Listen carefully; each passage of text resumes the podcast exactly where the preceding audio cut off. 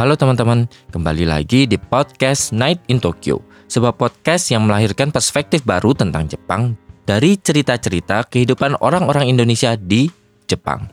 Dibawakan oleh gua, Aiman, host Night in Tokyo.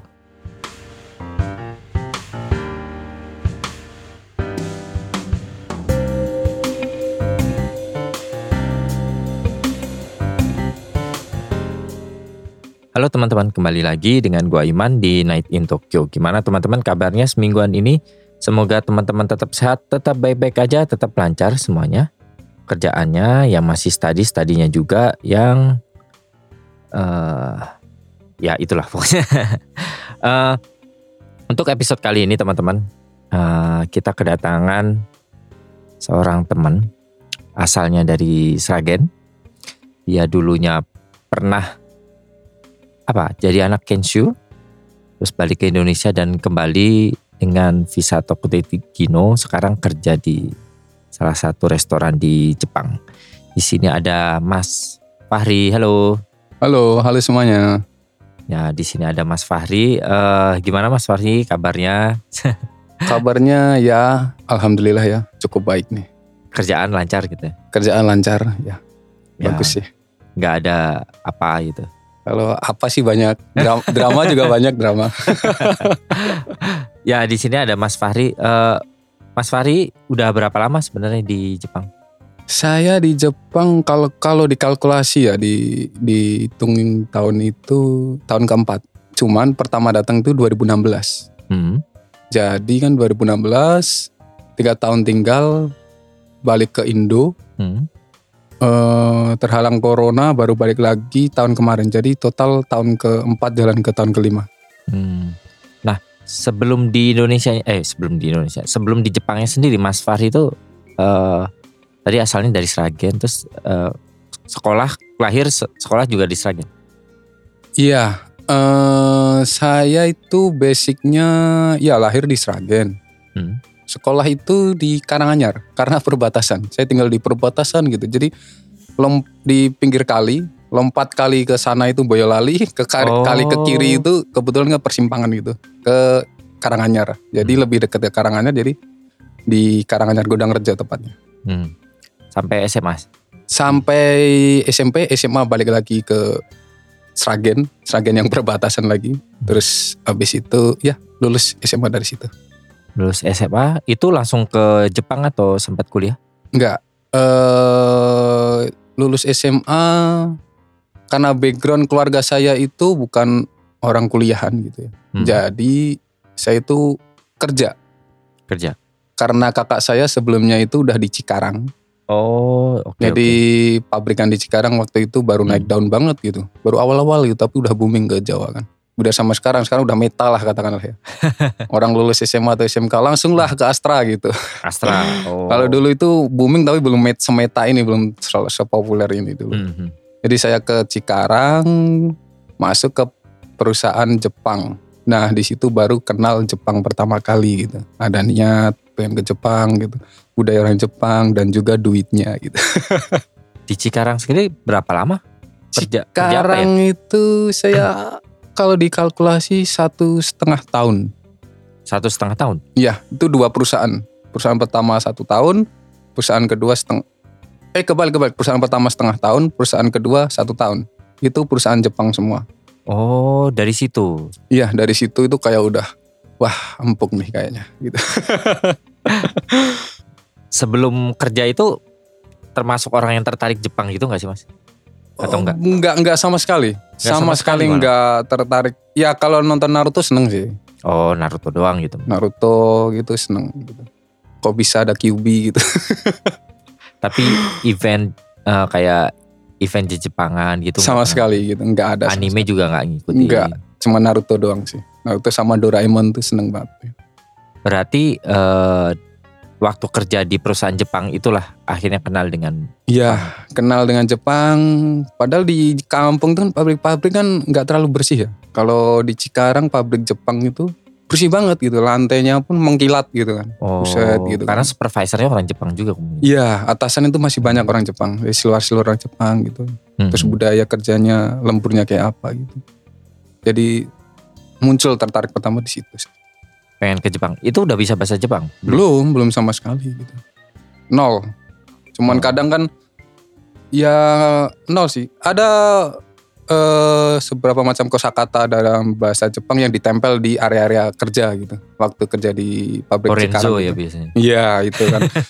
Ada kanban itu. Kamban. Itu baru tahu kosakata sedikit di situ. Terus kadang kan ada atasan itu asli orang Jepang gitu bawa asisten pribadi gitu, sekretaris cewek gitu kan. Oh, translator. Iya, nggak tahu sih. Enggak sih dia masih Nihonjin. Eh nggak tahu translator atau enggak atau asisten. Oh, masih Nihonjin. Nihonjin dia. Dia datang sama Nihonjin itu. Uh, kayak tampilannya udah kayak artis gitu kan. Oh iya. Wah. Ke Jepang enak nih gitu. Dari situ. iya. dari situ. Iya, maksudnya dari ya semua itu bukan itu tak itu aja gitu. Semuanya gitu. Terbentuklah akhirnya pengen ke Jepang. Iya. Eh, jalannya Jalannya kepikiran sih waktu SMA itu kan ada gambaran kayaknya lulus gimana ya ke Jepang aja gitu ya. Karena itu om saya, Oh. adik dari ibu, adik dari ibu. waktu saya SMA itu dia udah ke Jepang. Kenshu juga. Kensu juga. Oh. Dan dari situ ya sedikit tahu cuman nggak menggebu-gebu gitu kan keinginan. Nah menggebunya waktu kerja di Cikarang itu tadi. Setelah itu saya kontak beliau kan. Oke. Om ini ada materi nggak nih bahasa Jepang gitu. Biar saya belajar eh, bisa tahu bahasa Jepang dan nanti kalau tes-tes juga dikasih tahu dong gimana caranya gitu. Hmm. Nah, akses untuk mencari pekerjaan di Jepang sendiri gimana? Nah di Indonesia itu udah rahasia umum ya. Itu ada yang namanya LPK. Hmm. Oh, LPK itu kalau di Jawa wah udah banyak banget itu udah kayak sekolah SMA itu. Oh iya. Hampir satu kecamatan ada satu gitu. Sekarang itu udah saingannya Oh, banyak banget ya. banyak itu udah kayaknya malah di Jakarta nggak terlalu populer loh LPK Jepang atau Korea itu. Tapi kalau di Jawa populer. Makanya ini bagi orang Jawa itu bangga ya sebenarnya. Bukan karena TKI maksudnya perekonomian kan walaupun TKI kan tergerak gitu kan. Kan uangnya Kita ngambil dari Jepang ya. Iya, Maksudnya dikirim. mendatangkan Ah, uang juga ah, ke, iya. ke lingkungan sekitar. gitu. Makanya kan banyak yang Hmm. jadi pengusaha-pengusaha Hmm, UMKM itu dari lulusan TKI biasanya. Lulusan itu. LPK gitu. Mm-mm. Berarti masnya dari LPK juga atau enggak? Ya saya awalnya itu tadi dari om saya dapat brim-brim seperti itu. Terus saya mencoba masuk LPK. Hmm. Saya masuk LPK itu bukan eh, murni saya pasrahin nasibku ke LPK gitu enggak. Cuma saya pikir ya saya ikutin rule yang ada di LPK terus saya eh, semangat belajar gitu. Tapi saya berpikir eh, LPK itu pada dasarnya kan mematang eh, mematang memasang tarif ya LPK oh itu iya iya iya. misalkan kamu ke IM, IM itu negeri, tarifnya agak murah sih, 15 sampai 20. Hmm. Kalau swasta ini langsung diberangkat sama LPK-nya, biasanya itu 40 sampai 50 gitu. Oh, segitu ya. Iya, cuman saya tertarik yang negeri, yang IM. Kenapa? Karena kalau negeri itu tiga tahun kelar dapat uang pesangon Dari dari IM eh, orga- organisasi Jepang, IM Japan yang di Tokyo. hmm, pesangonnya itu 60 mang. Berarti kalau di rupiah sekitar 70 juta, 80 70 juta. Itu tiga tahun kelar dapat seperti itu pesangon. Makanya saya dulu kejar yang IM itu. Terus saya masuk LPK itu. Eh, LPK itu biasanya eh, udah terjadi rahasia umum ya katanya sih ada orang dalam gitu. Jadi saya coba ini masuk LPK, bener nggak sih ada orang dalam seperti itu gitu. Saya tes, tes normal aja, kebetulan giginya bolong kan waktu wawancara itu. Saya nggak nekat nggak cabut, hmm. katanya punya orang dalam gitu kan. saya coba nggak cabut, ah pasti lolos saya pikir gitu. Tes wawancara sama langsung orang Jepang, gagal. Nah ternyata nggak semua LPK punya orang dalam. Hmm. Itu kesimpulan dari saya kan, terus, terus dari situ saya keluar aja lah gitu. Ternyata eh, nggak semua LPK itu punya orang dalam dan kadang pun dia cuman nge- ngasih tahu jalan yang sebenarnya bisa kita cari sendiri gitu. Jadi saya, Bedanya apa sih sebenarnya LPK sama apa itu IM ya? ah bukan, IM Eh, tuh I- singkatannya apa? IM itu International Manpower. Itu Oh. organisasi yang ada di Tokyo yang ngejalanin itu pemerintah Tokyo sih. Oh pemerintah Tokyo. Oh, bukan Tokyo, Jepang. Oh Jepang. Ah, Jepang. Kementerian Jepang. Skalanya seperti itu. Jadi di LPK itu kan ya balik lagi ya jalur ke Jepang itu ada dua untuk Kenshu ya negeri sama swasta. Mhm. Kalau negeri ya itu eh, organisasi yang menerima di Jepang itu namanya International Manpower Japan itu. Itu kerjasama dengan Depnaker Indonesia. Dan swasta itu swasta itu LPK-nya tuh udah punya power yang gede. Oh. Kenapa? Karena dia itu nggak butuh kerjasama dengan eh, Depnaker Indonesia, sama nggak butuh kerjasama sama eh, apa ini pemerintah Jepang.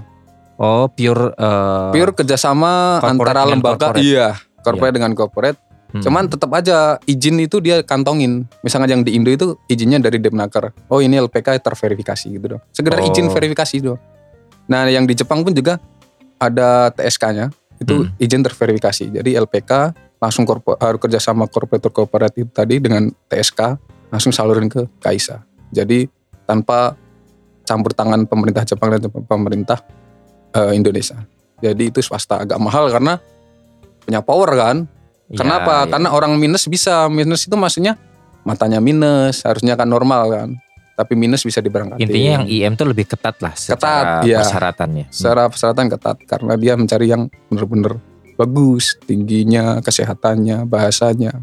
Karena lembaga eh, karena lembaga atau government sama government Iya. dan government itu yang be- bertanggung jawab ke perusahaan yang Iya, di mana nanti mereka tersalurkan kan. benar sekali. Oh. Seperti itu. Dari IM itu tahun berapa akhirnya bisa ke Jepang? Itu proses itu biasanya kurang lebih 8 sampai 9 bulan. Hmm. Nol daftar tes fisik sampai pendidikan sampai berangkat itu paling cepat 8, kalau lambat ya bisa satu setengah tahun. Hmm. Jadi saya daftar 2015, berangkatnya 2016 Mei kalau nggak salah. Hmm. 2016 Mei saya datang ke Jepang, karantina dulu satu bulan di Tokyo untuk pemantapan kan, sama eh, penyesuaian udara suhu gitu kan. Tapi jadi beda sekali ya, dinginnya atau anginnya kan kencengan di sini gitu. Datang bulan eh, April kan tetap atau enggak? Eh, Mei, Mei. Mei, Oh. Mei, Juni kerja, Juni bulan 6 Hmm. gitu. Nyampe nya eh nyampe nya. Dapatnya di mana? Dapatnya di Prefektur Gunma, Perusahaan perusahaan permesinan, Hmm. mesin bubut CNC. CNC. Kalau orang awam nggak tahu itu kayak ngebubut besi lah. Besi bahan utuh itu dibubut kayak bentuk kunci kayak bentuk mur baut seperti Oh, berarti itu eh, ini ya jatuhnya pabrik yang cukup modern sebenarnya. ya Karena kalau- mesin kan, iya mesin yang satu-satu itu kan. Heeh, kita cuman masukin bahan baku ini aja. Sebenarnya nggak modern sih bang. Soalnya itu udah udah dari lama sih CNC Iya. udah terkenal dari lama jadi nggak sih nggak terlalu modern. Jadi masukin terus mesinnya udah ada ada programnya itu programnya. programnya XZ XZ itu ada X-nya segini Z-nya segini terus bentuknya seperti ini itu Hmm. ada itu udah lama sih CNC sih nggak terlalu modern sih saya. Hmm. di situ tiga tahun Tiga tahun. Iya. Gimana tiga tahun? tiga tahun ya iya gitulah panjang nih sampai besok ini Melewati lah pada umum apa? Melewati kehidupan pada umumnya anak Kenshu lah. ya. iya itu eh awal datang biasanya sih tiga bulan itu masih di Mong di Mong itu nggak disenggol sama sekali sama atasan mau bikin kesalahan seberapa pun itu masih dimaafkan tapi kalau tiga bulan nih masa di Mong ini udah selesai Hmm. habis itu sumpah bikin kesalahan pertama dimaki dulu diperingatkan kan gini eh jangan gini dong jangan gini gini gini. Kesalahan kedua nadanya tinggi itu udah. Eh kemarin kan udah aku kasih tahu gitu. Bikin kesalahan lagi wah ampun itu udah. Udah kata-kata bodoh gitu kan udah keluar itu. Baka gitu kan. Gak becus itu gak guna gitu. Kalau diterjemahan bahasa Indonesia itu. Ya padahal kalau di bulan 4 itu kan sebenarnya selesai di Meng itu ya kan Jisuse itu kan eh, Kensuse itu kan nggak terlalu pinter ya bahasa Jepang sebenarnya loh ya. Iya, Basic iya. karena kan dikejar dia, kejar tayang lah istilahnya. Empat bulan dapat nggak dapat berangkat gitu kan, Hmm. karena udah terlanjur kontrak. Jadi sebenarnya dimaki-maki pun belum tahu tuh artinya apa itu nggak tahu. Pokoknya dia kayaknya marah gitu. Yang translate itu biasanya senpai, senpai itu senior. Gitu. Orang Tidak. Indonesia juga ya? Iya ada. oh ada juga banyak Ada. orang Indonesia. Ada. Oke. Jadi senpai saya tahun kedua, tahun ketiga tuh udah bisa denger kan, udah bisa nge nge- ngebales dan ngertiin omongan atasan gitu. Jadi ketika aku dimarahin gitu ya tinggal maaf maaf maaf gitu. Nunduk- Nunduk-nunduk padahal nggak paham gitu. Pulang sampai di apartemen tanya ke senpai. Tadi dia bilang apa ya? Dia bilang kamu itu goblok gitu. ya ampun gitu goblok aja minta diartiin gitu. Itu eh ya pada umumnya lah ya di Gemba kayak gitu segala macam. Apakah semuanya kayak gitu atau sebenarnya tergantung perusahaan juga nggak sih? Kalau apa? Kalau saya sih Kalau anak masih mending ya kalau saya. oh iya, Mendingnya kenapa? Karena di pabrik. Gitu. Kalau dibanding yang Gemba itu wah saya angkat tangan gitu. Salut bener nih. oh yang di jalan gitu ya. Iya di jalan bikin aspal, ada yang bikin konstruksi bangunan itu ya ampun. Tahu sendiri angin di Jepang kan ya bang? Uh ya ampun angin ribut gitu. Lagi kerja kena angin ribut masa mau ribut sama angin gitu. Tahu sendiri angin mau lapis tiga baju saja tetap masuk angin itu kalau di Jepang kan. Hmm. Makanya saya bersyukur di situ. Dan atasan-atasan sih lebih parah sih kalau di Genba. Oh yang bagi yang tahu Genba itu lapangan ya. Jadi kerja di lapangan gitu. Kerja kuli lah ya, kerja iya. keras ya. Iya di luar lap, di luar lah gitu. Hmm. Di luar ruangan gitu. Makanya saya salut sekali sih punya teman-teman Genba itu. Keren lu. Keren lu bro gitu. Tiga bulan, eh tiga bulan lagi, tiga tahun Gak tahun. eh, di Gunma gimana? Eh, Gunma kan beda dengan Tokyo atau sama-sama aja? Gunma itu terkenal inisial D. Oh, Film itu kan anime itu kan yang ngedrift itu kan. Yang Tofu itu kan. Ya ya itu kayak di film kan gambarannya. Pegunungan. Kalau belanja ini seminggu sekali. Udah kayak Wonogiri itu naik tanjakan itu. Naik sepeda, naik tanjakan bawa beras 10 kilo. Ya Serius? ampun, asli bang. kereta juga nggak se, se Enggak, intens Tokyo kan? enggak itu kereta dek- jarak deket ya gerbongnya cuman dua kalau nggak salah. Oh. Jaraknya deket bayar 900 ya ampun bang. Mahal sekali gitu ya. Kalau di Tokyo di sini kan beda sekali kan Yamanote atau apa itu. Kaisatsunya juga nggak ada kan pasti. Enggak ada. Cuma ada mesin doang atau Iya. enggak yang nagihin di dalam orang. Nagihnya di dalam. Hmm. Yang itu nagihnya di dalam. Jadi ya ampun gitu, terpencil sekali gitu. Tapi ya uangnya utuh sih. Oh iya. Nggak ada hiburan, nggak ada apa-apa gitu. Paling belanja online gitu. Sama keluarnya paling kalau Nagayasumi. Jadi setahun Nagayasumi ada tiga ya, setahun keluar tiga kali gitu. Hmm, Keluar ke mana gitu, ke kota lain kayak gitu. ke Tokyo gitu. ya. Mm-mm, Tokyo, Osaka udah sampai ke situ juga. Udah ngapain aja tuh tiga tahun? Tiga tahun ya jelajah itu sih eh tempat-tempat bagus gitu. Kalau yang paling berkesan sih menurut saya sih di Kaoguchi sih. Nggak ada Hmm. obat sih. Kaoguchiko itu sama Hak Fujikyu itu. Udah ke situ bang. Oh, udah udah udah. Nah mantap kan ya itu. Iya iya boleh. Saya kebayangin bisa kerja di situ wah ya ampun gitu. Kawaguchi. Betah banget itu. Eh, berarti turun ke bawah dulu ya berarti ya itu. Di Shinjuku. Shinjuku Shinjuku. naik bus Naik bus. langsung gitu. Kalau nggak salah 2400 kalau nggak salah.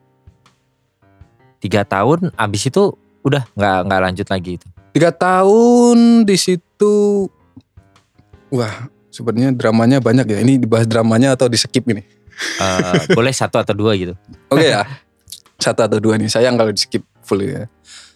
Drama di sana yang ingin saya ceritain itu, ah nggak tahu ya semua atasan sepertinya atau enggak. Cuman di Hmm. tempat saya itu Atasan tuh berarti orang Jepang ya? orang Jepang, Hmm. Kojocho, ketua pabrik.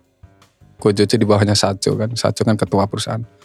Kojochoku ini dia suka ngadu orang Indonesia. Jadi Shinpai dan Kohei diadu, siapa yang menang jadi bawahanku, andalanku gitu. Jadi tangan kanan. Iya gitu, tangan kanan gitu. Jadi seperti itu. Jadi yang eh, diadu kalah ya udah. Kamu nasibmu bakal tiga tahun seperti itu gitu. Makanya kamu harus bisa bersurvive. Entah nihongomu kamu bagusin, nihongo itu bahasa Jepangnya dibagusin, atau attitude atau kerjaan kamu dibagusin gitu. Kalau bertahan hidup sebagai kensu hanya mengandalkan semangat, mati itu. Asli itu. Jangan sampai hidup di Jepang hanya mengandalkan semangat gitu. Itu adalah kebohongan besar di Indonesia. Apalagi lihat TikTok TikTok yang Iya. duit-duit ngitung-ngitung duit itu ya. Kata sensei-sensei di Indo, yang penting semuanya itu semua menipu. Di mana itu skill ya. namanya kita kerja dengan atasan. Apa yang membuat atasan suka dan eh, menganggap kamu itu berharga?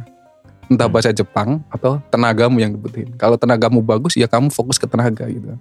Nggak pernah absen, tepat waktu. Itu kan value juga ya, bisa dijual ke atasan. Kalau kamu nggak bisa itu minimal bahasanya dibagusin. Jadi kamu berguna buat atasan gitu, buat translate. Misalkan ada kuhai baru kamu buat translate ke dia gitu. Jadi saya survive-nya tiga tahun itu ngambil bahasa. Sama ya minimal nggak telat kerja lah gitu. Masuk kerja absen tepat waktu, pulang tepat waktu itu. Tenaga kurang berarti ya. Tenaga saya bikin pas aja lah. Soalnya apa kalau saya angkat dikit gitu eh, atasan suka bakal ditagih itu nanti. Loh Oh. kemarin bisa segini kok. Sekarang Oh, nggak turun gitu. Makanya daripada saya gaspol kan saya irit-iritin aja gitu. bermain efisien ya. Iya sayang tenaga loh bang. Tiga tahun diforsir terus gitu gimana gitu. Ya itulah. Ini bagi Kensu yang di Jepang dengerin podcast ini saya kasih saran eh, jangan modal semangat ya bro. Bawalah satu trik itu entah yang saya bilang tadi. Bermain Nihon. pinter lah. Nah ya. itulah. Main Minimal kamu punya satu kartu as lah. Entah itu kartu asnya Nihongo atau itu tadi kamu eh, ngambil hati atasanmu itu nggak pernah telat, kerjaan beres nggak pernah ada masalah. Jadi misalkan ada orang, ah aku ini nggak suka ngejilat atasan gitu. Nggak perlu ngejilat, itu skill bertahan hidup gitu. Bertahan, bukan ngejilat gitu. Ngejilat ada lagi, nanti saya kasih tahu. Kalian pengen. itu cuman basic untuk bertahan, itu perlu loh. Nggak kayak di Indonesia loh. Jadi Ngaruh ya Nihongo tuh ngaruh ya. Wah ngaruh banget langsung dihargai di situ. Orang-orang nggak berani nyenggol gitu. Mau nyenggol apa? Aku udah tahu apa yang kau omongan gitu. Ngebalsnya juga udah tahu gitu. Oh. Jadi mereka pikir dua kali nih. Entah senior atau atasan mau ngabing hitam kan. Ah, anak ini bisa bahasa Jepang gitu. Oh dikambing Bahaya. hitamkan tuh berarti disalah-salahin ya. Iya. Orang lain bikin kesalahan. Misalkan atasan bikin kesalahan.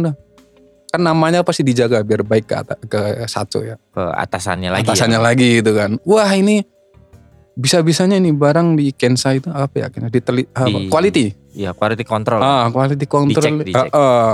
kok bisa jebol eh, dua box ini kan? Terkirim ke sana gitu. Dua box itu ngeri gitu kan. Per piece-nya misalkan harganya 1000 yen itu berapa kalau dua box bisa 30 mang. Itu dia bisanya nutup gitu. Oh ya, anak baru kami kita di sini. Itu sih dia itu. Aku pasrahin tadi itu. Ya ampun, nggak tahu itu dia apa yang dibikin kayak gitu biasanya. Cuman kalau kamu bisa ngebales ya ini bang, misalkan udah nih unggunya udah bagus, bilang aja, loh saya dari mana gitu, saya pegang yang sana gitu kan. Kalau orang yang baru kan dia pasti kan iya iya aja gitu. Nggak Karena nggak gitu. ngerti juga ya? Nggak ngerti, nggak paham. Nggak tahu juga itu satu sebenarnya udah tahu kayak sih. Alah ini orang les lagi, nyari kambing hitam lagi gitu mungkin. Nggak tahu sih. Makanya ya cari aman aja lah gitu. untuk survive di Jepang itu bukan Bertahan hidup ya. Iya, istilahnya. bukan hanya untuk modal semangat gitu, hancur kamu tiga tahun gitu, semangat doang gitu. Semangat ngumpulin duit, tapi kalau stres ya Iya, gitu. Orang saya aja pakai survive itu, saya tiga tahun ini ngerasa stres juga loh. Kayak anxiety disorder, kecemasan berlebih. Ada tiap berangkat takut ya. Bukan tiap berangkat, tiap pulang. Tiap pulang. Takutnya Kenapa itu pas pulang? tahu Oh, istilah kakunin bang. iya iya iya iya maksudnya nggak ini ya eh apa sih namanya? resah gitu loh. Resah. Jadi Jadi barang misal, yang udah dikerjain bener semua nggak ya? nah itu sumpah dulu itu akut saya. Tahun ketiga mau pulang gitu. Karena semakin tahun ketiga kan semakin dikasih tanggung Iya, jawab yang tanggung gede itu. lebih besar. Wah gede banget. Misalkan kamu punya kohe tiga, kamu suruh mantau semua. Buset gitu. Dia salah nggak salah kamu yang disalahin gitu. Punya kohe tiga itu suruh mantau, udah memantau, ada kerjaan sendiri gitu. Jadi saking mikirnya kan, wah aku ini kayaknya orang penting nih di Kaisa gitu. Tahu sendiri kan kalau orang Jepang udah percaya kan kamu kasih kebebasan sebenarnya. Cuman takutnya kan gini, wah udah dipercaya satu kali bikin kesalahan itu malunya itu diri sendiri tuh kayak malu banget bang. Gak tahu mungkin aku udah keracunan sama kultur Jepang. Iya iya. Orang iya. Jepang kalau malu kan bener ya, kayak malu, gitu kayak gitu. Iya, sampai bunuh diri itu kan. Jadi ada. make sense ya. Iya, Hmm. jadi di situ itu saya pernah disorder akut itu enam bulan terakhir atau lima bulan terakhir itu. Jadi kerjaan udah aku kerjain, udah aku siapin di troli nih mau diangkat ke kontainer gitu. Aku Masih resah itu. resah. Itu aku mau temkat aja itu udah sampai temkat itu, mau absen pulang. Balik lagi itu aku ke bok-bok itu, bukain satu-satu. Jumlahnya bener enggak? Warnanya bener ini enggak? Kanbannya bener ini enggak? Balik seret gitu. Masih panik lagi, balik lagi, cek lagi. ya ampun kok aku segininya gitu ngecek sambil ngeluh loh aku tuh kok aku ngecek dua kali ya gitu loh sampai hilang kontrol gitu terus ya udahlah absen pulang bangun tidur aku cek lagi itu sebelum diangkut pak supir itu itu selama lima bulan ini asli ya ini pasti aku yakin nggak cuman saya yang ngerasain ini. Hmm. di Jepang loh ya soalnya tahu sendiri ya budaya Jepang kayak gitu ya segilanya orang mencintai pekerjaan segilanya orang mencintai Segitu telitinya ya. Mbak? Heeh. jadi eh, buat orang yang ngedengerin ini saya pesennya terapi lah bro jangan kamu siksa hidupmu di situ sumpah saya bisa keluar dari ini saya juga terapinya di Indonesia itu lama untuk sembuh dari ini Oh, Ini- udah ini- selesai itu, udah selesai apa? udah selesai penyakitnya Tensinya. masih waktu pulang ke Indo dulu Kalau di jadi Indonesia larinya ke mana jadinya tuh? ke psikiater Enggak, enggak maksudnya eh, kan udah eh, di Indo kerja juga berarti. Oh di Indo pertama pulang ya nggak kerja lah menikmati tabungan dulu. Eh, enggak Sama maksudnya yang peluang gitu. perasaan itu tuh. Ah itu ke umum apa pun Oh iya, contohnya? matiin kompor. Oh udah matiin belum ya gitu? Iya sumpah itu menyiksa sekali. Balik lagi eh udah. Iya bener tiga kali gitu baru. Ya ampun aku kok kayak gini banget gitu. Terus matiin pompa air. Eh, Saklar nih ya sampai saklar tahu gambar di atas saklar itu. Yang off itu aku anak panah hitam gitu ya. Yang on itu anak panah eh, putih gitu ya. Aku gambar gitu. Jadi dari jauhan aku lihat oh udah ini udah keceklek ke sana gitu, udah ke atas gitu. Ya ampun. Sumpah ngeri itu. Akhirnya ke psikiater. Korban nih psikiater. Psikiater pertama ke puskesmas dulu terus dirujuk ke RSUD. Curhat-curhat sama dokter terus eh disuruh kasih kesibukan yang melonggarkan eh, apa itu jiwamu gitu. Maksudnya kamu nggak terkekang dengan apa pun. Intinya kan suruh mengikhlaskan itu. Kalau ya, dokter bilang gitu. ikhlas. Apa pun ikhlaskan gitu. Dia bilang dokter pernah bilang ke saya kan. eh, apa itu? Kamu ini punya tabungan berapa di dari Jepang itu di ATM di rekening. Waktu itu kan saya masih punya tabungan ya. Saya bilang waktu itu saya nggak salah itu 300 ada. Hmm. 300 juta dok. Kamu pikir gitu. 300 juta kau bawa mati nggak gitu. Atau katakanlah gini, tabungan 300 juta itu di bank apa? Bank Mandiri. Misalkan Bank Mandiri tiba-tiba collab besok gak bisa diambil, emang kamu bisa kontrol itu? Gak bisa dok. Ya udah ikhlasin aja sekarang gitu. Ambil, oh iya bener ya. Masuk akal kan ya bang? Bener nggak? Ya, ya. ya. Katakanlah orang yang bikin stres kan nggak bisa melepaskan sesuatu kan? Eh, maksudnya yang bikin stres tuh karena ini sih. Kita terlalu memberatkan sesuatu gitu.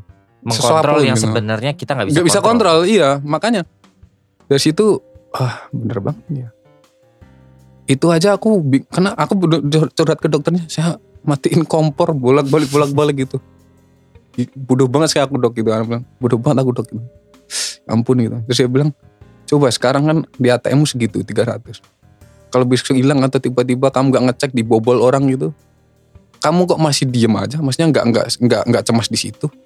Oh iya ya makanya gitu itu bisa diambil kapan pun atau dihack orang atau di apa gitu. Itu aja lebih penting daripada kompormu gitu Habis itu oh ya masuk akal make sense gitu. dari situ saya mulai perlahan apa pun itu aku terapi kan. Semau apa pun mau apa beli mau apa beli mau main ke sana ke sana. Tanpa pikir diajarin dokter nggak usah mikir apa. Itu kalau nggak salah enam bulan lima bulan itu saya baru pulih. Baru mulai kerja lagi. iya. Nggak kerja sih. Mau balik ke Jepang kena corona. Oh mau balik lagi ke Jepang. Oh, sebelumnya pulang ke Jepang itu udah ada kontrak sama perusahaan yang lama itu. Eh nggak tanya kena corona. Kayaknya sih dulu kan waktu masih kan magang tiga tahun habis ada visa baru Tokute gitu. Tokute. Nah ini Oh di perusahaan yang sama mau ditarik lagi. iya dengan, Tapi dengan visa Tokute. Tokute. Iya itu.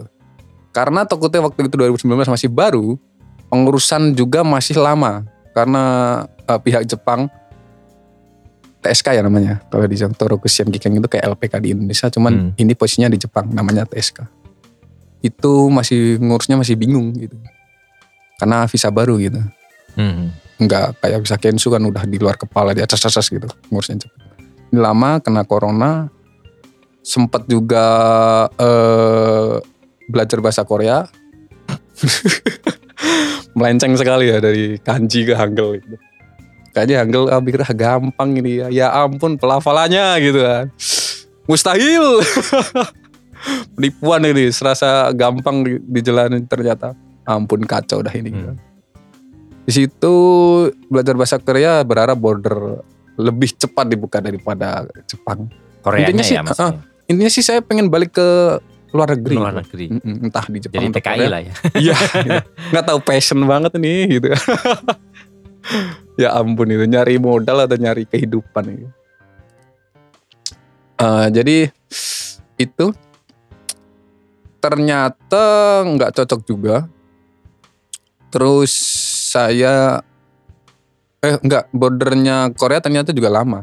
Awalnya itu dibuka-buka buka-buka eh waktu saya mau apply wah ditutup ah sialan mau nggak mau saya pulang ke kampung dan akhirnya saya ngajar bahasa Jepang di LPK punya Hmm. tetangga saya teman saya sendiri itu LPK baru di Hmm. situ sambil ngulang sambil ngajar saya cari job sendiri untuk TG Togo Tegino dan yang ngulang dapat satu tahun terus TG saya approve.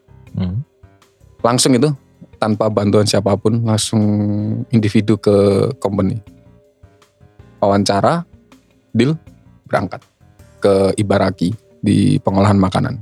Oh berarti beda ya? Eh, beda. Beda untuk bidang nih maksudnya. beda bidang. Kensuse dan Tokute gitu ini sangat beda sekali. Jadi kayak Tokute ini semi profesional lah. Kayak engineer lah.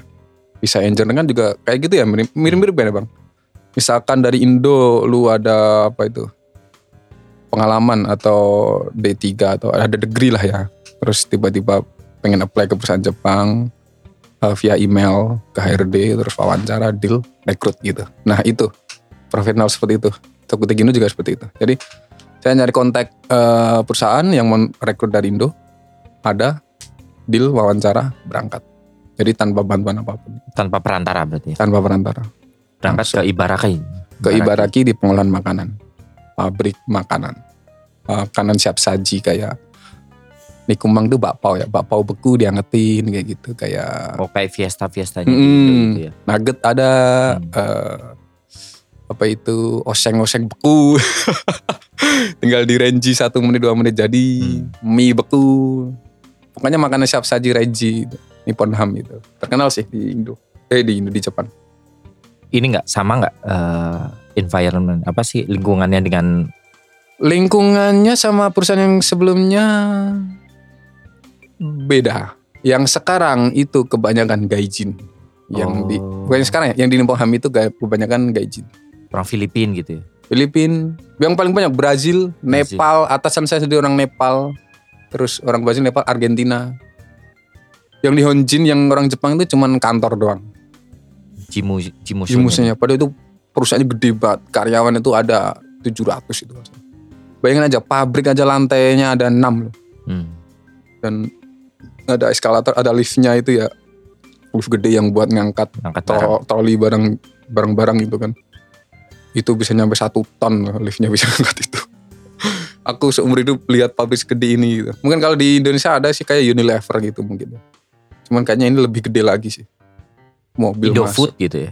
ya Indofood lah kayaknya pokoknya gede banget ini. Iya. ya kalau pengalaman makanan mirip sih sama Indofood Hmm. Unilever itu mirip bahan baku dibuat gitu.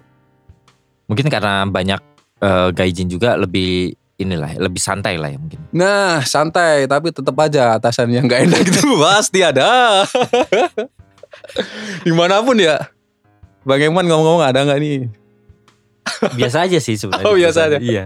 nggak ada yang terlalu iya gitu nggak ada ya Atau atau dari diri sendiri juga sih udah ngakalin gitu sih. Bisa Oh. lebih lebih tepatnya bisa kayak gitu sih. Oh, oke oke oke ya setahu sih di mana pun ada sih ya Iya, orang-orang pasti ada. seperti itu ada ya kenapa ya ya udahlah ya orang ya kehidupan ya masa Iya. orang lempeng semua kan nggak Iya, mungkin nggak ya. mungkin. Nggak mungkin kan Jadi udah nggak ngaruh mau orang Jepang kayak mau orang apa. iya nggak ngaruh cuman di sini tuh agak enak soalnya kan udah pengalaman bang ya udah Oh. pengalaman tiga tahun gimana sih Udah tahu caranya. udahlah udah kapok lah istilahnya menjaga pride orang Jepang itu. Akhirnya saya sendiri yang kena disorder anxiety kayak gitu kan kecemasan berlebih itu. Bayangin kan ketika saya sebelum datang kemarin tuh uang yang tiga tahun itu udah habis. Penyika, pe- penyakitnya itu kayak masih berbekas gitu. Di memori Oh. otak gitu ya uangnya dihabisin buat menyembuhkan penyakit, penyakitnya nggak hilang. Penyakitnya sih sebenarnya sembuh cuman kayak di memori itu masih gitu loh. Jadi tuh kayak aku segila ini. Ya ampun. Ya ampun. Makanya dari situ berpikir ah bodo amat itu. Apalagi sekarang kan TG. Hmm. Uh lebih super power kan visanya daripada Kensu itu kan. Bisa ganti Bisa ganti perusahaan. Kalaupun di kubi apa, apa kalaupun dipecat masih ada jangka waktu juga buat nyari. Nah kalau eh, kalau dipecat oh nggak otomatis pulang. Kalau Kensu itu bisa otomatis pulang. Otomatis Pasti pulang kalau nggak di nggak udah nggak di apa, inginkan lagi sama perusahaan. Kalau TG nggak diinginkan ke perusahaan masih etes itu masih bisa bertahan di Jepang dengan Katsudo itu bisa Hmm. dioper ke Katsudo. gitu. Jadi enak aja. Makanya ngapain gitu aku wah ngapain harus eh, loyal ke atasan itu udah gila apa gitu. Pengalaman sepahit itu. Saudara Sheti itu sumpah. Hati-hati kalian semua. Penyakit paling mengerikan itu. Di otak soalnya diserang itu. Gila itu. Tapi eh, ini eh, jadi buruh juga atau udah Buruh. supervisornya juga. Wah buruh loh bang. Oh, buruh. Masih dari nol kan. Gak ada basic gitu. Jadi atasan saya itu orang Nepal cewek. Ada dua tiga orang. Di situ kerjanya ter- eh, menurut saya berat sih. Beratnya itu kan bahan baku ya. Oh ngangkat Dan, tenaganya yang berat. berat berat tenaga dan suhu. Jadi saya pernah di bahan baku ya. Itu kan kalau bahan baku daging atau bahan baku freezer Beku. bekunya itu minus 29 bang. Dan itu kulkasnya itu bukan kulkas kecil sama lemari Iya. gitu enggak. Kulkas Kulkas ruangan bang. Kulkas. Dibuka itu udah kayak IKEA itu loh. Itu bayangin nge-freeze se-IKEA. Buka itu pintunya kan gede gitu. Gitu langsung. Jadi pintu ada dua. Pertama pintu tuh suhunya dibikin minus 10. Hmm. Jadi biar badan orang itu gak kaget juga kan. Masuk sekitar 10 meter pintu lagi yang minus 29. Gede itu punya kayak gerbong. Wah gede banget itu. Wush itu keluar asap putih. itu asap dingin itu. Wush langsung ke dalam badan serak gitu. Sampai biji-biji beku itu. ya ampun itu kan. Itu pengalaman hidupku. Aku kaget lihat freezer segede itu kan. Naik ke atas eh, eh, apa ya bukan naik maksudnya tengok ke atas itu ya. Itu udah ada palung-palung es bang. Asli itu. Kayak gini. Padahal iya padahal itu tinggi terus tinggi banget tuh. Naik ke atas eh, lihat ke atas itu kayak 30 meter itu atapnya itu. Palungnya sih bukan palung lancip itu bukan bisa membunuh orang lancip. Ya ini ya. Kayak- air. Ah, ah, kayak air ngebeku bukan lancip sih bukan kayak goa itu enggak sih. Ya kayak, kayak cembung gitu palungnya gitu. Itu wah sumpah 10 detik aja itu udah kayak sampai paru-paru gitu. Kalau ngambil barang itu harus lari-lari di dalam itu. Barang nggak kecil lagi pakai troli gitu saking luasnya tuh. Kalau ngambil barang di paling pojok gimana rasain bang? Ya ampun udah lari-lari itu tetap takutnya mati beku di situ malah mati berdiri lucu itu beku. Pernah itu ya ampun. Gitu. Tapi ada di dalam ada tombol paniknya. Gak ada. Lah, ntar kalau orang nggak keluar keluar dari situ. Nah itu ya, aku gak kepikiran dulu bang. Oh iya harusnya ada harusnya ada loh ya. Tapi nggak ada itu. Pokoknya aku dikasih tahu atasan itu masuk harus cepet keluar. gitu doang. Pikirku apa cepet keluar. Udah bener buka. Iya ya gini bener harus lari ini. Apa pun harus lari gitu. Ngambil paling pojok padahal itu ada tuh lebarnya 30 meter paling pojok dari pintu keluar itu ya ampun. Suhu berat, barang udah baku berat, kita ng- ngeluarin daging itu 5 kilo, 10 kilo itu. Masukin ke troli bisa dihitung total 50 kilo. Uh, 100 kilo gitu di troli. Di situ saya nggak bisa bertahan lama. Akhirnya saya memutuskan untuk pindah juga. Lebih kerjaannya ya, bukan bukan Bukan culture-nya ya. bukan bukan culture-nya sih. Emang ke daya tahan fisik. Mikir kan, ah nggak enak nih gitu kan. Udah tokute juga lah ya. udah kute ngapain gitu menyiksa diri ya ampun gitu buat yang masih kensu semangat banget kute ya ya ampun gitu kan ya udah di situ akhirnya saya Desember kemarin nggak masalah eh, memutuskan untuk pindah Hmm.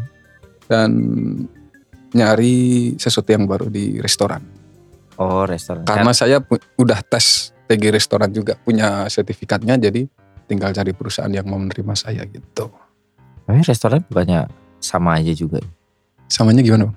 Maksudnya F&B kan memang di di Jepang terkenal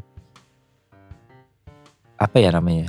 Eh, budayanya itu. Iya, masih Ah. keras juga. Soalnya eh aku dulu juga pernah jadi Hmm. baito di Isagaya gitu. Hmm. Lihat shiftnya itu, ini beneran nih. Tenjo tuh ada satu masa Tenjo tuh sebulan nggak ada nggak ada libur. Ya benar benar benar. Jadi eh oh gini aja dulu ya. Saya kok bisa pindah gitu ya. Oh iya boleh. Jadi TG itu kan ada banyak bidang. Bidang kaigo, pertanian, Hmm. terus bidang eh, perikanan, bidang yasetsu, ngelas. Banyak sih bidangnya banyak. Jadi selama TG, ini ini juga belum banyak orang yang tahu bang. Gimana sih pindah TG, gimana sih pindah TG, bisa nggak sih, bisa nggak sih. Dan saya udah buktiin bisa gitu. Zero cut saya udah bisa, udah ganti juga. Status sama, cuman diperbarui ketika ganti. Masa masa aktifnya diperbarui. Jadi ketika kamu pengen pindah ke bidang yang ingin tuju, ya tentu kamu harus lolos TG itu dulu, tes kemampuannya itu dulu. Di luar dari JFT dan JLPT gitu. Jadi lisensi misalnya kamu pengen ke Kaigo, tes Kaigo dulu, Kaigo. lisensi Kaigo punya. Kamu pengen pindah ke bandara ini yang Hongrain itu, yang markirin pesawat itu loh. ada loh itu yang TG Iya, iya, markirin iya. pesawat itu. itu bisa kalau kamu lulus tesnya. Harus ada TG mobil juga, bengkel, Judo Sasebi. Itu bisa kalau kamu punya lisensinya gitu. Dan saya kebetulan emang dulu sebenarnya ngincarnya itu restoran. Hmm. Cuman waktu di Indo dapatnya pengolahan makan dulu. Cuma saya pikir, TG kan bisa pindah ya udah ambil yang cepat dulu gitu. Jadi itu pertama masuk itu udah mikir pengen keluar itu. Berdosa nih saya sama perusahaan. baju loncatan doang. iya sumpah berdosa ini. Sampai sekarang mikir utang budi nih aku. Tapi ya gimana orang tahu sendiri. Kerjaan masuk kutub utara gitu ya udah impas lah ya aku kerja enam bulan buat bahas budi gitu kan. Nggak nggak peduli lah gitu. Hanya itu wawancara pindah ke restoran. Wah di restoran itu shock banget itu. Shocknya itu awalnya enak dulu. Nanti ya nggak enaknya nanti aja. enak dulu biar semua nggak ada yang denger juga. Enaknya gimana? Enaknya di restoran. Pasti kan makan gratis. Ya. Bahkan pulang pun saya masih bawa bang. masih ngebungkus. Jadi uang saya itu utuh, nggak nggak buat, Buat makan nggak sama sekali. Paling ya gabut lah Kalau ketika bosen. libur, eh, bosen nih menunya gitu. Menu resto, padahal resto saya kan menunya banyak gitu. Ya bosen dah, jajan di luar kayak gitu. Hmm. Cuma sebenarnya untuk kebutuhan pokok itu sebenarnya pulang saya itu bawa terus. Dan saya sendiri yang masak itu. Bahannya juga komplit di situ. Mau apa ikan, daging, daging sapi, daging apa, masak sendiri bawa pulang kayak gitu. Hmm. Enak di situ.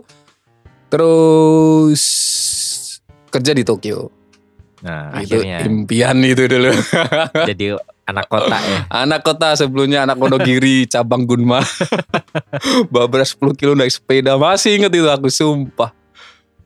Naik sepeda bawa beras 10 kilo tanjakan kayak Wonogiri waktu salju pula. Iya amun Aduh. rasanya gitu. Itu sepedanya yang biasa apa yang ada Sepeda biasa. Aduh, bukan yang- ada listrik listriknya nggak ada nggak ada baterainya itu nggak ada. Gowes full itu.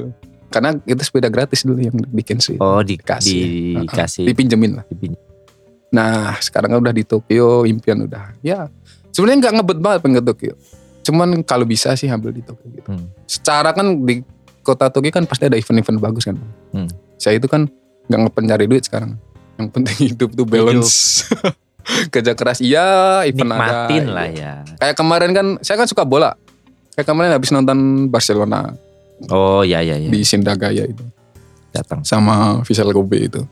Dan bulan depan juga ada PSG di di Osaka. Hmm. Pokoknya enaknya tinggal di Tokyo seperti itu. Konser banyak. K-pop idol, uh, Hiburan banyak. stasiun di mana-mana posternya K-pop idol tuh hampir setiap bulan ada gitu. yang datang Hmm. debutan-debutan baru dari Korea itu. Pasti kan mampirnya di sini dulu sebelum tur kan, tur ke Iya. luar negeri lain. Jadi ya balance-nya, life balance-nya bagus. Terus di sisi lain kan saya kerjanya sebagai chef ya. Hmm. Saya kerja di restoran sushi. Di chef, saya masih chef belakang sih. Bagian filet, filet eh Yang nyabutin nih. Iya, Yang nyabutin duri satu-satu. Yang motong, yang nyabutin Motong, nyabutin duri, duri. Yang bikin, bersihin. bikin sup, pokoknya yang yang berat-berat dulu lah anak baru soalnya. Gitu. Ya enaknya kan saya bisa belajar ya, belajar Hmm. Eh, skill fillet ikan, terus punya bawahan orang Jepang juga, cewek-cewek cantik gitu yang bagian hall staff itu. anak-anak SMA, anak-anak eh, kuliahan gitu semester 2 itu. Wah, masih unyu-unyu banget itu. Kalau saya perintah apa-apa juga iya iya aja. Bayangin dari Kensu yang diinjek-injek gitu loh. Bisa ngebalik itu, ya ampun mimpi apa gitu kan. Itu. Bodoh-bodohnya juga terima kayaknya. dia. Iya bener itu aku biasanya kan Kensu itu ya kayak tabu banget berteman dengan orang Jepang. Asli. Oh. ya susah banget gitu. gimana nyari koneksinya gitu. Kan secara kan di pabrik-pabrik isinya oh, bacang semua itu sama Oji sama. di kampung loh ya pabrik-pabrik di kampung loh ya. Biasanya seperti itu. Nah akhirnya ya kenal-kenal itu punya temen-temen kocak-kocak gitu ya anak-anak muda Jepang cowok atau cewek gitu kan. Itu sih. Jadi nggak tahu kenapa hidupnya itu beda sekali dengan dulu gitu. Oh ternyata seperti ini. Oh Jep, ternyata orang Jepang ya sama aja gitu. Yang goblok juga ada, yang pinter ada, yang jaim banyak gitu. Sama aja sebenarnya. gitu. Cuman kan atau Kensu kan jarang berteman jadi nggak tahu. Kayaknya eksklusif banget nih kalau kenal orang Jepang. Karena kenal merasa biasa kita aja. kita kita sendiri merasa memposisikan diri kita di bawah Iya, juga kan. nge- ngerasa ah kita, kita beda kasta ini. Ya, dari warna kulit, lihat dari gayanya, itu sebenarnya sama aja ketika udah kenal gitu. Karena saya udah ngerasain juga, oh berteman dengan orang Jepang kayak gini, orang kocak kayak gini, orang bodoh, orang pinter gitu. Itu enaknya seperti itu, terus tinggal di kota, kerjanya saya kan di Shibuya ya, resto saya. Ada musolanya juga gitu, buat yang mau beribadah bisa enak gitu. Terus ya itu lagi. Belajar dari pengalaman hidup saya. Eh kerja di restoran itu ya ini masuk ke enaknya ya bang. masuk ke drama lagi gitu. Udah ada drama, drama gitu. Bukan di Korea, udah di Jepang ada drama gitu. Aneh banget itu. Jadi di Jepang budaya restoran itu apakah kejam, kejam, kejam, kejam gitu. Sebelum saya masuk ya banyak orang yang komen di Facebook atau apa itu ketika membahas restoran itu komen-komen good expa, eh, apa, grup expatriat di di ICJ itu gabung gak bang? Apa itu singkatannya lupa aku. Indonesia Jepang eh ICJ atau atau ICC itu? IJ, Ada- ICJ Iya kan ada kan? ya? Indonesia Community Iya. in Japan. Iya itu kan ada grup itu kan. Nah itu aku dulu pernah lihat itu ada orang ngebahas resto itu kayak kejam kejam kejam kejam kejam gitu kan. Isinya keluhan semua sih kayaknya. Iya iya kan saya masuk saya buktiin ternyata benar. benar itu. Kalau bisa saya bilang benar ya saya pertama masuk budaya senpai kohai atasan eh bukan atasan junior senior, gede banget. Terus budaya bully gede banget. Budaya rasis ada. Budaya membedakan orang asing dengan orang lokal ada. Tapi kebanyakan itu yang umur ke 30 tahun ke atas. Oh. Buat yang anak-anak generasi milenial itu dia udah ngeblend sih. Ngeblend itu maksudnya ngenyam, pencampur itu nggak ngebedain apa-apa. Terus budaya orang Jepang nih yang nggak saya suka. Ah nggak tahu ya. Semua orang atau eh, semua restoran atau semua restoran saya. Atau ini gara-gara umur mereka beda generasi gitu ya. Hmm. Jadi mungkin mungkin masih kolot. Yang paling saya benci sebenarnya. Hampir semua orang di tempat kerja saya itu saling menjatuhkan di belakangnya. Ngomongin dia, dia nggak ada ngomongin dia, dia nggak ada ngomongin dia. Sama orang Jepang ya? Sesama orang Jepang, sesama menjatuhkan orang Jepang.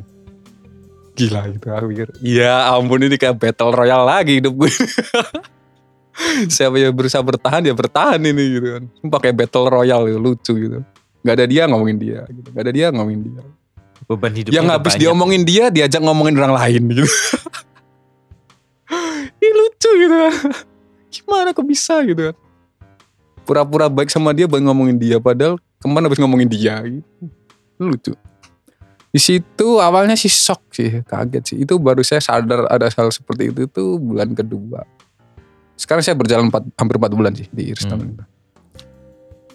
Itu bulan kedua tapi ya itulah saya sadar loh kok ada seperti ini terus aku mikirnya kayaknya sih cuman generasinya dia gitu kebetulan yang orang-orang seperti itu yang 30 ke atas gitu Hmm. Bukan generasi milenial anak-anak muda gitu Yang kayaknya muda mendekati nah, ojisan gitu. iya jadi kan dia kulturnya kultur lama gitu Hmm. kultur orang 80-an 90-an seperti itu kan ya terus eh sampai mana tadi saya lupa. oh ya ke nggak enaknya itu ya. Eh ya nggak enaknya itu. Terus untungnya enaknya sih Tenco itu orangnya terbuka. Sharing apa pun dia tanggepin. Bisa diajak sodang-sodang itu apa ya? Mencari solusi bersama, bermusyawarah itu. Ya itu open mind gitu. Hmm. Tenconya itu umurnya 32 tapi dia itu pemikirannya milenial sih. Bagus Iya, sih. iya. Terus ada di atasnya Tencho itu supervisor. Itu namanya Tanaka gitu. Udah kayak di buku Minadi Honggo Tanaka Sang. Cuman dia itu gue kayak CS banget sama aku kan. Gak tahu gitu kan. Ya karena kan saya itu tadi. Bukan saya ngejilat-jilat loh ini. belum. Skill jilat saya itu belum saya keluarin loh. Cuman skill yang bertahan di resto itu ya itu tadi. Kerja semangat. Lembur saya ambil terus. Gimana caranya ketika saya libur itu mereka kewalahan. Jadi kan mereka nyariin saya gitu. Itu sih skill saya yang saya pakai. Dan kemarin tuh habis saya pakai. Saya harusnya masuk, saya libur. Saya bilangnya sakit gitu, sakit kepala gitu. Gara-gara tempat kerja itu kacau gitu orang-orang nggak jelas gitu kan. Saling-saling menjatuhkan itu. Ah libur aja sehari gitu kan. Libur sehari langsung supervisor ngelend saya gitu. Ya ampun saya siapa di langsung sama supervisor gitu. Kamu kenapa gitu. Saya sakit gitu. Saya sakit bos. Eh sakit kepala gitu kan. Bilang udah kamu ke rumah sakit gitu berobat gitu terus mal aku nggak balas gitu malamnya ngebahas lagi ini saya udah minum obat gitu. oh ya udah oh ya suminasa ya anjir gitu supervisor bilang oh ya suminasa sama saya saya siapa gitu kan ya itulah trik buat eh, bertahan hidup itu Ini main games ya sebenarnya. iya itu belum ke skill menjilat saya loh belum saya keluarin loh ini. Saya kalau mau menjilat ini bisa ini saya. Jadi tenco ini kayaknya belum belum belum belum pernah saya keluarin skill skill menjilat ini. Baru soft lah ini masuk Skill menjilatnya kayak gimana tuh? ada. Skill menjilat itu karena saya bukan passion saya sih. Jadi nggak aku lakuin gitu. Misalkan skill menjilat itu kita effort sedikit Hmm. gimana caranya gitu kita menggantikan orang yang sudah ada sebenarnya skill menjilat itu cuman bukan dengan cara menjatuhkan dia kita kerja atau kita nunjukin, nunjukin skill yang lebih dari dia seolah-olah kita itu menawarkan barang ke atasan bos ini aku udah bisa ini ini ini ini orang itu kayaknya supervisornya. ya? Ah, ah. kayaknya aku udah bisa loh gantiin dia. Lagi pula dia juga kerjanya kayak gitu. Nah itu namanya menjilat yang mau pansos. Gampang sekali itu untuk menyingkirkan orang. Saya belajar dari teman saya ini, Orang Jepang. orang Indo. Oh. Tapi saya nggak passion ke situ ya. Oh, iya, iya. Tapi dia itu orangnya kejam dan dia ngelakuin hal itu. Dan beneran bisa Bisa dia udah dapat posisi gitu. tenco. Bukan HRD dia. Dia dia, dia bukan di bukan di restoran dia. Oh di, Di pabrik. company. Oh iya, di pabrik. ya HRD dia di kantor. Bayangin. Dia cuma TG tapi di kantor. Di Nagoya. Tadinya di bawah. Iya, nol, nol sama saya, saya, saya gitu. Saya pernah ditawarin ke dia karena di Nagoya kan saya nggak mau kan. Ah, pindah ke Nagoya. Orang Males maunya lah bro. Tokyo. Iya. Tokyo dulu lah. Paling kalau udah bosen setahun dua tahun paling baru pindah ke daerah lagi. Itu sih skill ngejilat itu. Jangan langsung ngomong-ngomong, aduh itu goblok bosen. Jangan kamu bawain makanan tiap hari ke bosmu. Ah itu skill cek gitu. Ini terlalu terlalu sombongnya terlalu OP ini kayaknya. Cuman kalau skill dari saya sih seperti itu tadi lah. Apa itu gimana kita ngover over ke atasan bos ini eh, saudara ini kan kerjanya gini gini gini gini. Nah saya udah bisa semua itu kayaknya. Eh, apa saya boleh ini bantuin dia pura-puranya bantuin dulu. Saya itu kan bos ada pikiran lagi kan. Udah bisa udah nareta kamu udah udah kebiasaan udah bisa kamu gitu. bisa sih kayaknya gitu. sendiri bisa bisa bos bisa banget gitu. Otomatis kan dia ditarik gitu. Hmm. yang kita bantu gitu. Kayak gitu itu pansos atau ngejilat yang bagus itu. Jadi kadang orang pikir kan ah tiap hari makanan wah di sok makanan sebenarnya bos ya senang senang aja tapi sebenarnya dia mikir dia tahu ngejilat tuh kayak gini gitu. Bos pun pasti sadar kan? Yang namanya bos kan nggak bodoh. Makanya dia diangkat bos ya kan? Makanya seperti itu sih Sari. Barangkali Bang Aiman mau nyoba itu. Sekarang posisinya apa? Mau jadi PM apa? Gimana? Product manager juga boleh lah. Atau PH Iya iya iya iya, iya. tapi kan ngejilatnya ngejilat masih bagus gitu masih Emang pakai skill effort. lah. iya Bukan bukan kosong omong kosong. doang. iya itu yang ngejilat bodoh itu om- ngejilat omong kosong sama ngejilat makanan kadang ada yang ngejilat staycation udah banget itu sumpah Eh, Terus eh, ke depannya nih eh udah Ke depan jadi gini nih. Beruntung banget ya ini mulai minggu depan saya ini pindah ke depan. Chef depan. Chef yang Sokunin. oh, Shokunin yang bikin susinya Langsung eh, bukan yang nyabutin ya nggak nyabutin lagi nih, nggak ngiris-ngiris, nggak bikin sup, nggak apa gitu. Mulai minggu depan saya promosi ke Sokunin, ke sushi bar. Jadi bikin sushi, ke plating langsung kasih ke tangannya Oke aku sang, tangannya tamu pelanggan langsung gitu. Jadi itu saya apa-apa tuh kan dia tahu eh nggak izin gitu ya. si customer orang Jepang tahu nggak masalah Sebenarnya itu nggak boleh. Oh, sebenarnya. sushi chef itu orang asing nggak sebenarnya nggak boleh. serius Sebenarnya nggak boleh. Saya langsung HRD langsung pusat dari Kanagawa yang bilang kan. Sebenarnya nggak boleh. Cuman karena restoran saya itu di Parko kan. oh Saya sebut nggak usah lah ya. lifestyle lah ya karena pelanggannya itu 50% lebih itu orang asing, orang Oh. Amerika, orang Eropa. nyampur lah bukan Iya. bukan orang Jepang doang gitu Dan saya kan bisa bahasa Inggris juga, walaupun Hmm. nggak fluent lah. Malah diperbolehkan gara-gara itu, gara-gara pelanggan. Misalkan saya ini di tempatnya di Kyoto, nggak mungkin sih saya jadi shokunin, nggak mungkin muri. nggak nggak ada yang makan Iya, anjir tangannya, tangannya orang hitam ya, orang pribumi Indonesia. Ngepelin sushi buat orang Nihonjin tuh nggak mungkin makan dia.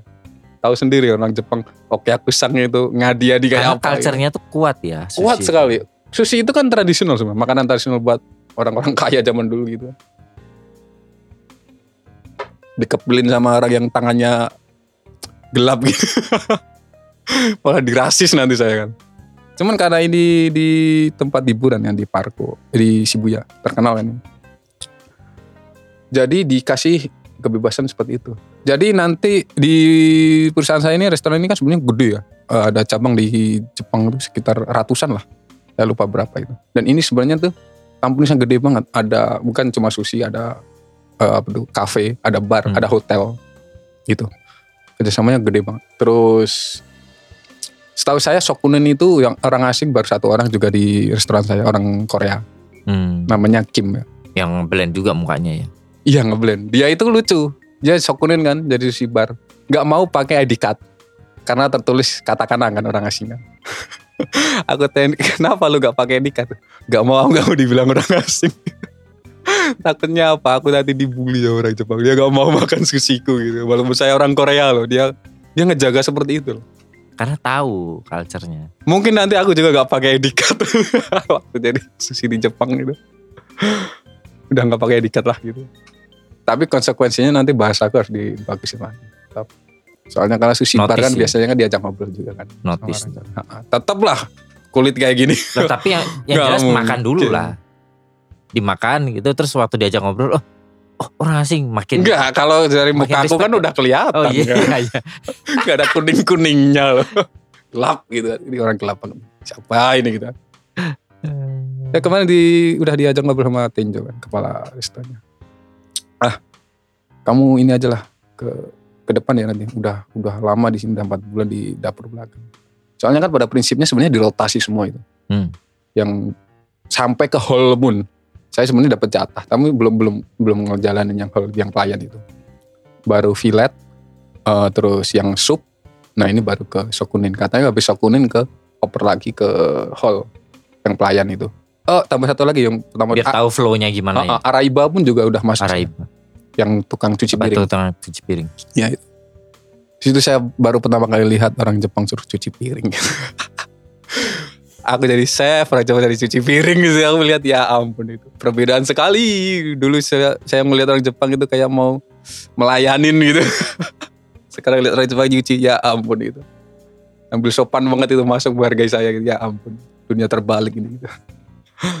Ke depan seperti itu sih. Eh, Enggak tak bagi Bang Aiman mungkin mau datang ke resto saya. Tapi saya kasih saran sebulan atau dua bulan ke depan aja biar saya udah udah kebiasa di Shokunin kan. Nanti nyari meja saya aja nggak apa-apa. saya kasih something spesial gitu. berarti bakal lama nih di Jepang Enggak juga sih. Saya belajar dari penyakit saya, disorder anxiety itu. Kalau sesuatu keadaan yang udah nggak memungkinkan, saya mending pulang. Soalnya pulang, saya juga ada bisnis di Indo, bukan bisnis gede sih, bisnis. Bisa jalan lah buat oh bisa buka restoran sushi juga ya di belum belum sampai situ. Bisnis lain sih. Bisnis yang berhubungan dengan LPK itu. Hmm. saya kan sebenarnya bisa pulang bisa ngejalanin itu ada pikiran juga cuma sem- sementara saya jalanin ngalir aja. Hmm. sama kata-kata dokter saya itu yang bilang semua itu jangan kamu kekang kaku gitu. Jangan takut uang gitu aja udah. Yang penting kamu udah punya skill. Tapi lihat lihat situasi dulu. Misalkan Risto ini saya disokunin betah soalnya ini kan skill loh. Jarang sekali kan. Nggak tahu seluruh Indonesia ini apa ada disokunin orang Indonesia gitu. Oh iya bener. nggak juga. tahu loh belum nggak entah cuma aku saja atau udah ada orang lain nih. Soalnya itu tadi kan kalau misalkan sudah di sushi chef Itali chef Amerika ah, makanan Barat atau chef makanan Arab itu kan nggak di bar kan nggak di depan tamu kan. Beda kan dengan sushi chef kan sokunin yang di depan bar kan. Itu kan terus juga kalau restorannya nggak nggak izin yang banyak yang datang kan nggak diizinin juga kan Iya, misalkan di daerah-daerah tertentu di Yokohama atau di oh, tempat-tempat prestis lah seperti eh, apa. Toponggi gitu. yang yang masih tradisional gitu lah kan nggak mungkin orang asing dibolehin ngapel-ngapel sushi itu makanya mikir ah ini kesempatan yang langka terus prospek karirnya juga bagus gitu. ya Hmm. saya jalanin dulu lah minimal gak tahu sih dapat satu tahun dulu lah biar saya dikeluar kepala udah skill gitu. Jadi kan misalkan mau cabut atau mau nego naik gaji biasanya sih di ACC kalau cari sokun ini pikir saya ini bagus ya opportunity-nya. Peluangnya sangat bagus sekali. Gak tahu sih nanti gimana. Enjoy aja sih kita. Oke. buat ah, ya ya ini tadi ya Hmm. sedikit promosi buat yang pengen datang datang aja nanti. Kalau pengen ketemu saya ini orang warga Tokyo ini di Parko ya nanti nanti. Ya pokoknya Parko sushi ada dua gitu punya saya yang merah itu aja yang merah. Parko Ya. Shibuya ya. iya satu bulan ke depan atau dua bulan ke, dua bulan ke depan saya paling udah udah nangkring di situ Nangkring di depan bukan Iya. di belakang lagi. iya nangkringnya di depan udah siap menyambut kalian gitu Oke. Oke buat penutup nih seperti biasa gue mau tanya ke guest di, di Night in Tokyo. Pertanyaan pertama apa suka dan gak sukanya hidup di Jepang dengan kehidupan di Jepang? kehidupan di Jepang itu menurut saya jelas sih Eh fungikinya apa itu suasananya Suasananya. suasananya itu gila man super cleaning super bersih gitu. di mana pun bersih orang nggak ada budaya mengganggu gitu. Iya iya. iya. dibebasin ya. seperti apa eh, skill dia dihargai skill sekecil apa pun dihargai semangat dihargai Tapi Ya, kan gak, nggak boleh semangat doang Gak cukup semangat doang. skill dulu sih skill nomor satu semangatnya itu nomor dua gitu. jadi ya itulah dihargai lah punya kemampuan dihargai terus sebenarnya kan bahasa Jepang saya itu nggak terlalu expert pinter banget ya kayaknya kalau saya lebih pinter lagi kayaknya lebih banyak peluang Hmm. entah beasiswa entah ujian apa lisensi chef lagi. Kan katanya ada itu lisensi chef itu banyak banget sebenarnya. Hmm. dan sebenarnya ada apa itu visa khusus chef juga. Hmm. kayak Gijin Koku cuman dia visa khusus chef dan lebih super power katanya. Hmm. nggak tahu itu masih ke depan seperti itu. Yang saya suka seperti itu sih. Semuanya itu tertata rapi dan dukanya dukanya Islam itu minoritas. Hmm. gitu. Ya walaupun saya nggak terlalu taat itu. Tapi ya namanya kadang kan orang pengen taubat kan pengen taat-taatnya gitu nyari masjid susah nyari apa-apa susah gitu kan halal food susah gitu terus nggak enaknya itu sosialnya itu kayak sulit sekali membuka dengan orang lokal itu sebenarnya loh misalnya di jalan say hi gitu kayaknya masih tabu kan Oh iya, kalau orang Jepang ya. kalau saya kasih trik sih kalau di koin sih biasanya masih lah masih gede chance-nya untuk bisa ngajak Oh. ngobrol. Cuman kalau di jalan atau di Eki itu kayak susah banget. Kayak nggak perlu man. Orang kan menyendiri sekali. Kalau di koin lagi nongkrong itu kamu duduk saya hai bisa berarti bisa diajak ngobrol. Biasanya seperti itu. Itu sih nggak enaknya sama enaknya. Gitu. Nah kebalikannya kalau Indonesia eh, apa enak dan gak enak Wah, kehidupan iya. di Indonesia? Konoha aja lah jangan di Indonesia. Oh iya, boleh apa pun. Kalau di Konoha enaknya itu ya enaknya murah. Makanan murah. Tapi gaji juga murah. Terus enaknya ya gimana ya kelahiran ya soal tempat kelahiran itu gimana pun pasti Tanah membekas di ya. memori. ya.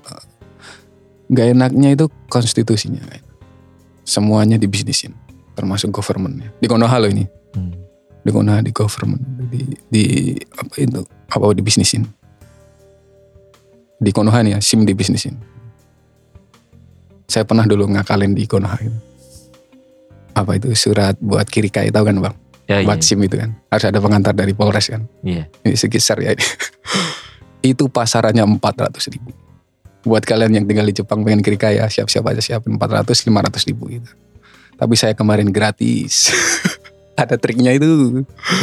Saya hari Jumat datang sebelum Jumatan kan. Biasa harusnya harusnya Samsat itu tutup di Konoha loh ini ya, di Konoha. Samsat itu tutup jam 12 lah.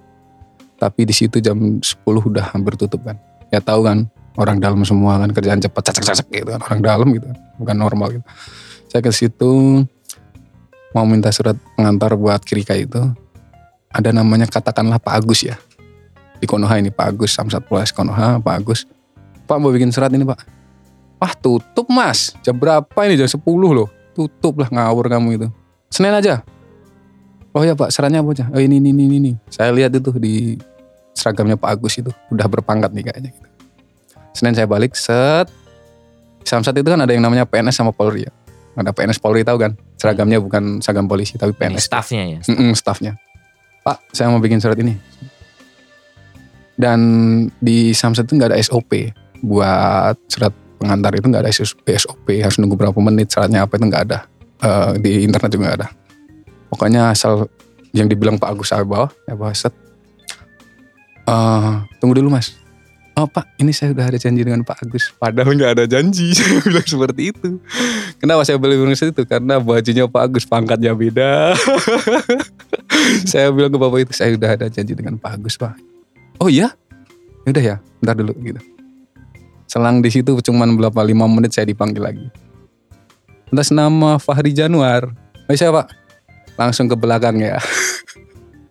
ke belakang set, tanda tangan, set. Sama staff NS lagi, suruh ke depan lagi, set. Mas ini di Jepang ngapain ya? Oh saya pelajar pak. Padahal saya TKI ya. Kenapa saya bilang pelajar? Kalau saya bilang TKI, Gak percaya. enggak. Pasti mikirnya ini orang susah ini. Eh, apa ini bisa ditarik duit atau gimana gitu. Saya bilangnya pelajar. Pasti mikirnya dia, wah ini orang kaya ini. Jepang udah kuliah mau beli mobil lagi. Pasti ini koleganya Pak Agus. Saya Oh. berani nyenggol ini.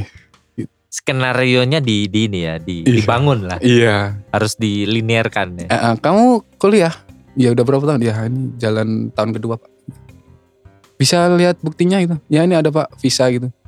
Saya kasih lihat itu kan di paspor kan ketempel gitu. Apa itu bekas COE dulu ya. Itu kan isinya kanji semua. Saya kasih lihat ke bapaknya. Dia asal percaya loh. Padahal kalau ditranslate mati aku. kan untuk kerja gitu. oh iya oke gitu. Duduk lagi ya gitu. Hari Januar kasih set. Cek dulu salah apa enggak. Saya cek. set. Oh oke pak. Udah bener nih. Udah ya pak. Gitu. Aku bilang gitu. Saya nggak bilang berapa pak gitu kan. Pasti kena. Udah ya pak gitu. Jadi saya masuk sampai keluar itu cuma nggak ada setengah jam. Bayangin kalau saya nggak pakai namanya Pak Agus yang super power itu bisa seharian saya dibikin-bikin gitu. Karena saya tahu sistemnya di Samsat Konoha itu semua kalau nggak pakai tukang parkir atau tukang fotokopi yang berjalan berkasmu pasti sampai besok gak diapa-apain gitu. Ya seperti itulah itu triknya di Konoha. Yang nggak enak itu konstitusi, enaknya namanya tempat kelahiran. Bagaimanapun memori kecil itu kan berharga bang. Hmm. Jadi ya itu sih enak nggak enak. Ya itu dia teman-teman eh, obrolan kita tentang kehidupan Mas Fahri di Jepang di Gunma Ibaraki dan akhirnya dia sampai juga ke Tokyo. Eh, terima kasih Mas Fahri udah datang ke Night in Tokyo.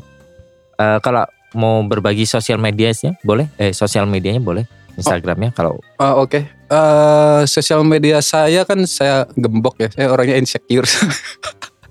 Tapi kalau mau di follow boleh sih, boleh banget.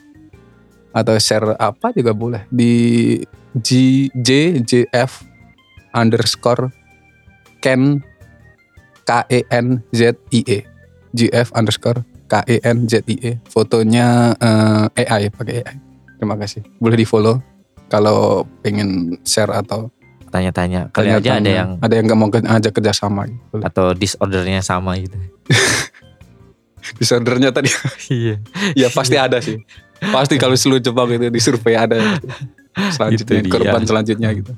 Dan jangan lupa juga teman-teman buat eh, follow Instagram Night in Tokyo juga di @night.in.tokyo. Di sana biasanya gua bakal berbagi informasi yang berkaitan tentang podcast ini atau hal-hal yang berkaitan tentang Jepang. Dan teman-teman juga bisa kunjungi langsung di website www.nightintokyo.com. Di sana ada blog yang gua tulis, ada foto-foto jalan-jalan juga dan tentunya teman-teman bisa dengerin seluruh podcast Night in Tokyo mulai dari awal sampai yang paling baru, paling terakhir ini ada semuanya di www.nightintokyo.com. Terima kasih Mas Fahri udah datang Terima kasih Bang berbagi Eman. ceritanya, eh, dramanya dan lain-lain. Dan terima kasih juga buat teman-teman yang udah setia dengerin podcast Night in Tokyo. Semoga terhibur, semoga dapat sesuatu juga dari podcast ini. Oke, sekian dulu dari kita. Sam- selamat beristirahat. Sampai jumpa lagi di episode Night in Tokyo selanjutnya. Bye bye.